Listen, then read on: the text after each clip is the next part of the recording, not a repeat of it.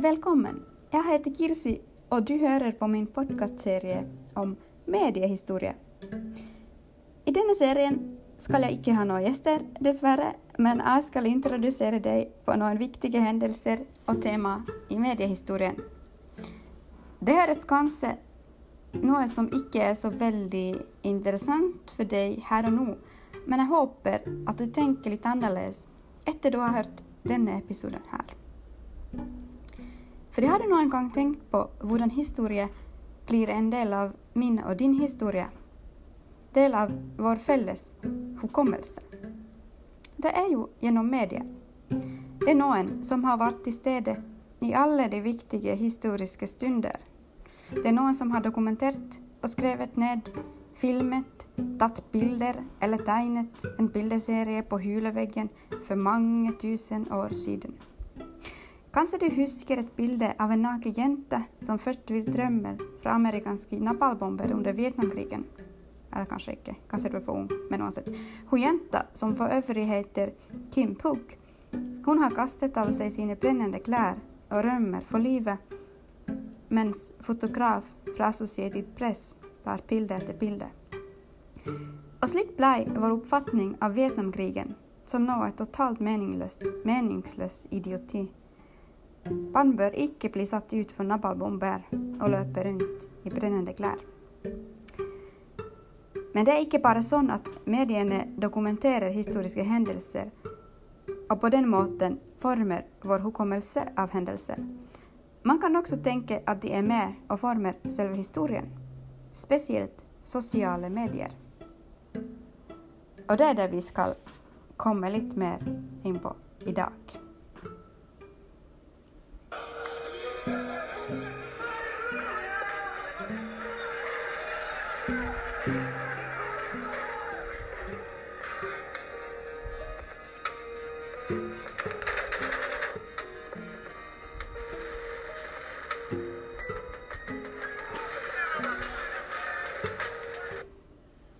De lyderna där, det har du säkert hört förr.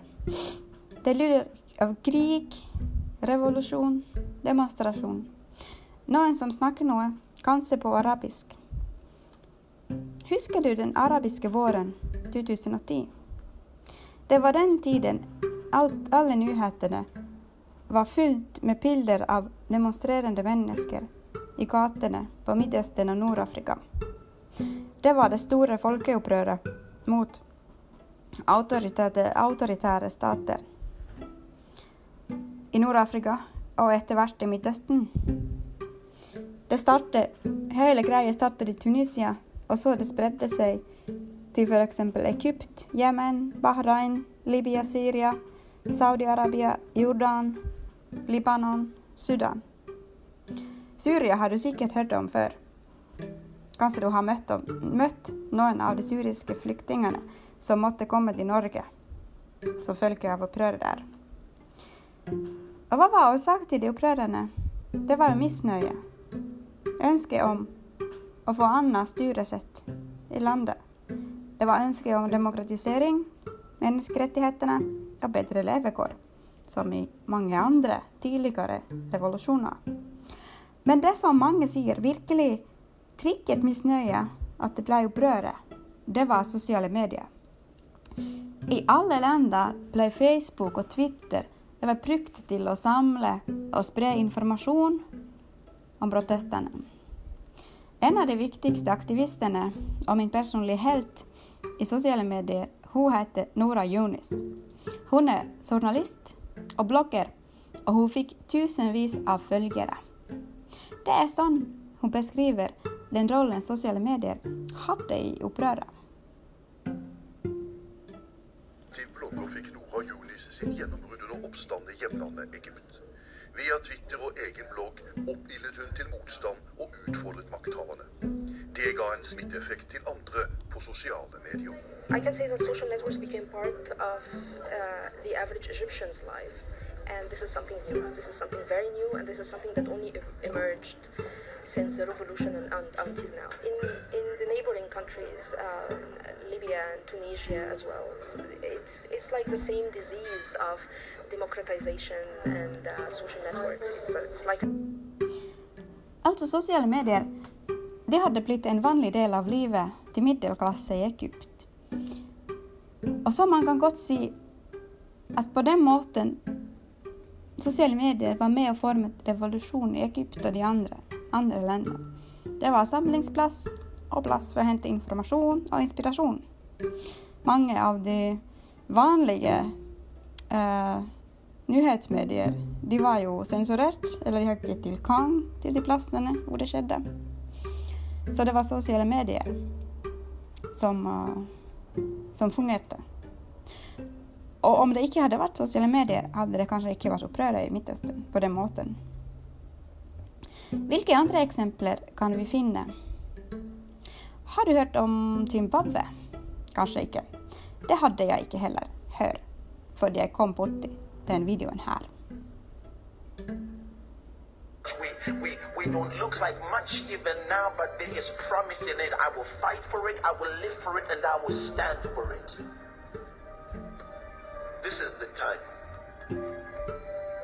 that a change must happen. Quit standing on the sidelines and Den videon den är från april, Youtube-videon, den är från april 2016.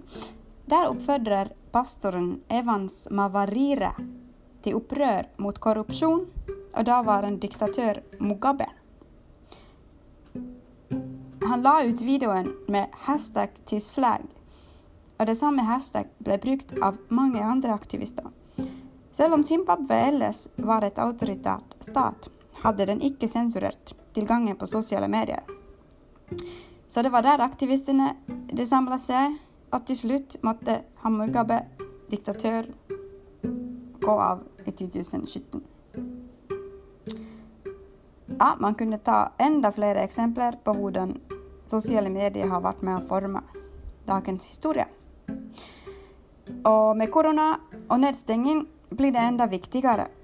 Man kan se för exempel att mycket av den pågående valkampen i USA sker i sociala medier och genom sociala medier. Så kanske den viktigaste man kan lära sig om mediehistorien är att teknologi det är inte bara en neutral kanal, men det former den kulturen, de folka som brukar den. Teknologi det är inte bara teknologi, men den former den måten vi ser på världen och måten vi kommunicerar, måten vi uppför oss. Det är lite spännande och lite skummelt att tänka på. Tack för att du har varit med på den Medpod-podcasten. Må diskussionen fortsätta, men den här episoden ska jag avsluta nu med en tillfällig tanke om medievärlden idag.